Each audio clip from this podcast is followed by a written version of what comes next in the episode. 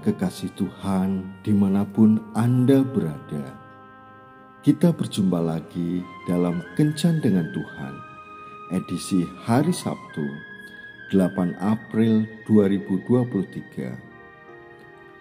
Dalam Kencan kita kali ini, kita akan merenungkan Injil Lukas, bab 17 ayat 21b. Sesungguhnya, kerajaan Allah ada di antara kamu. Para sahabat kencan dengan Tuhan yang terkasih. Pada suatu hari, seorang hamba Tuhan berkhotbah tentang kerajaan surga.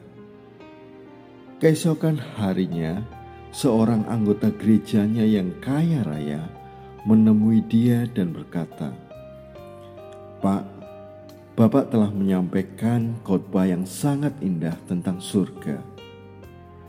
Namun, tidak mengatakan di mana surga itu. Hamba Tuhan itu menjawab, "Saya baru saja tiba dari bukit di sebelah sana. Di sana ada seorang anggota gereja yang sangat miskin. Dia sakit dan terbaring di tempat tidur." Tanpa sanak keluarga. Jikalau Anda mau pergi ke sana dan mencukupkan kebutuhannya sambil mengatakan, "Saudaraku, di dalam nama Yesus aku datang untuk mencukupkan kebutuhanmu." Maka Anda akan melihat surga itu. Jika Anda membaca Mazmur 23 serta berlutut dan berdoa, maka Anda akan melihat surga itu. Jika Anda tidak melihat surga itu, maka saya akan mengganti ongkos perjalanan Anda. Keesokan harinya, orang kaya itu memberitahukan hasilnya ketika melakukan nasihat hamba Tuhan itu. Pada waktu kita menolong orang yang membutuhkan pertolongan oleh sebab didasari kasih Tuhan, maka suasana surga itu akan turun di tengah-tengah kita. Hari ini, siapakah orang yang akan kita tolong?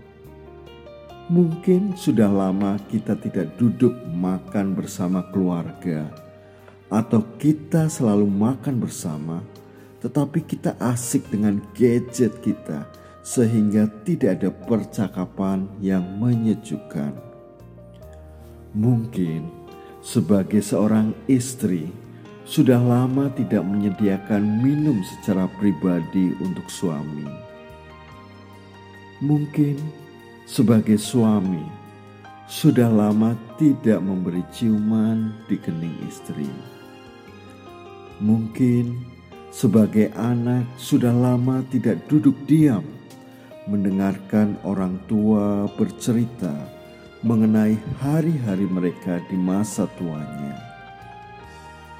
Mungkin sebagai majikan sudah lama tidak ada perkataan yang menyejukkan keluar dari mulut kita terhadap pembantu atau supir kita.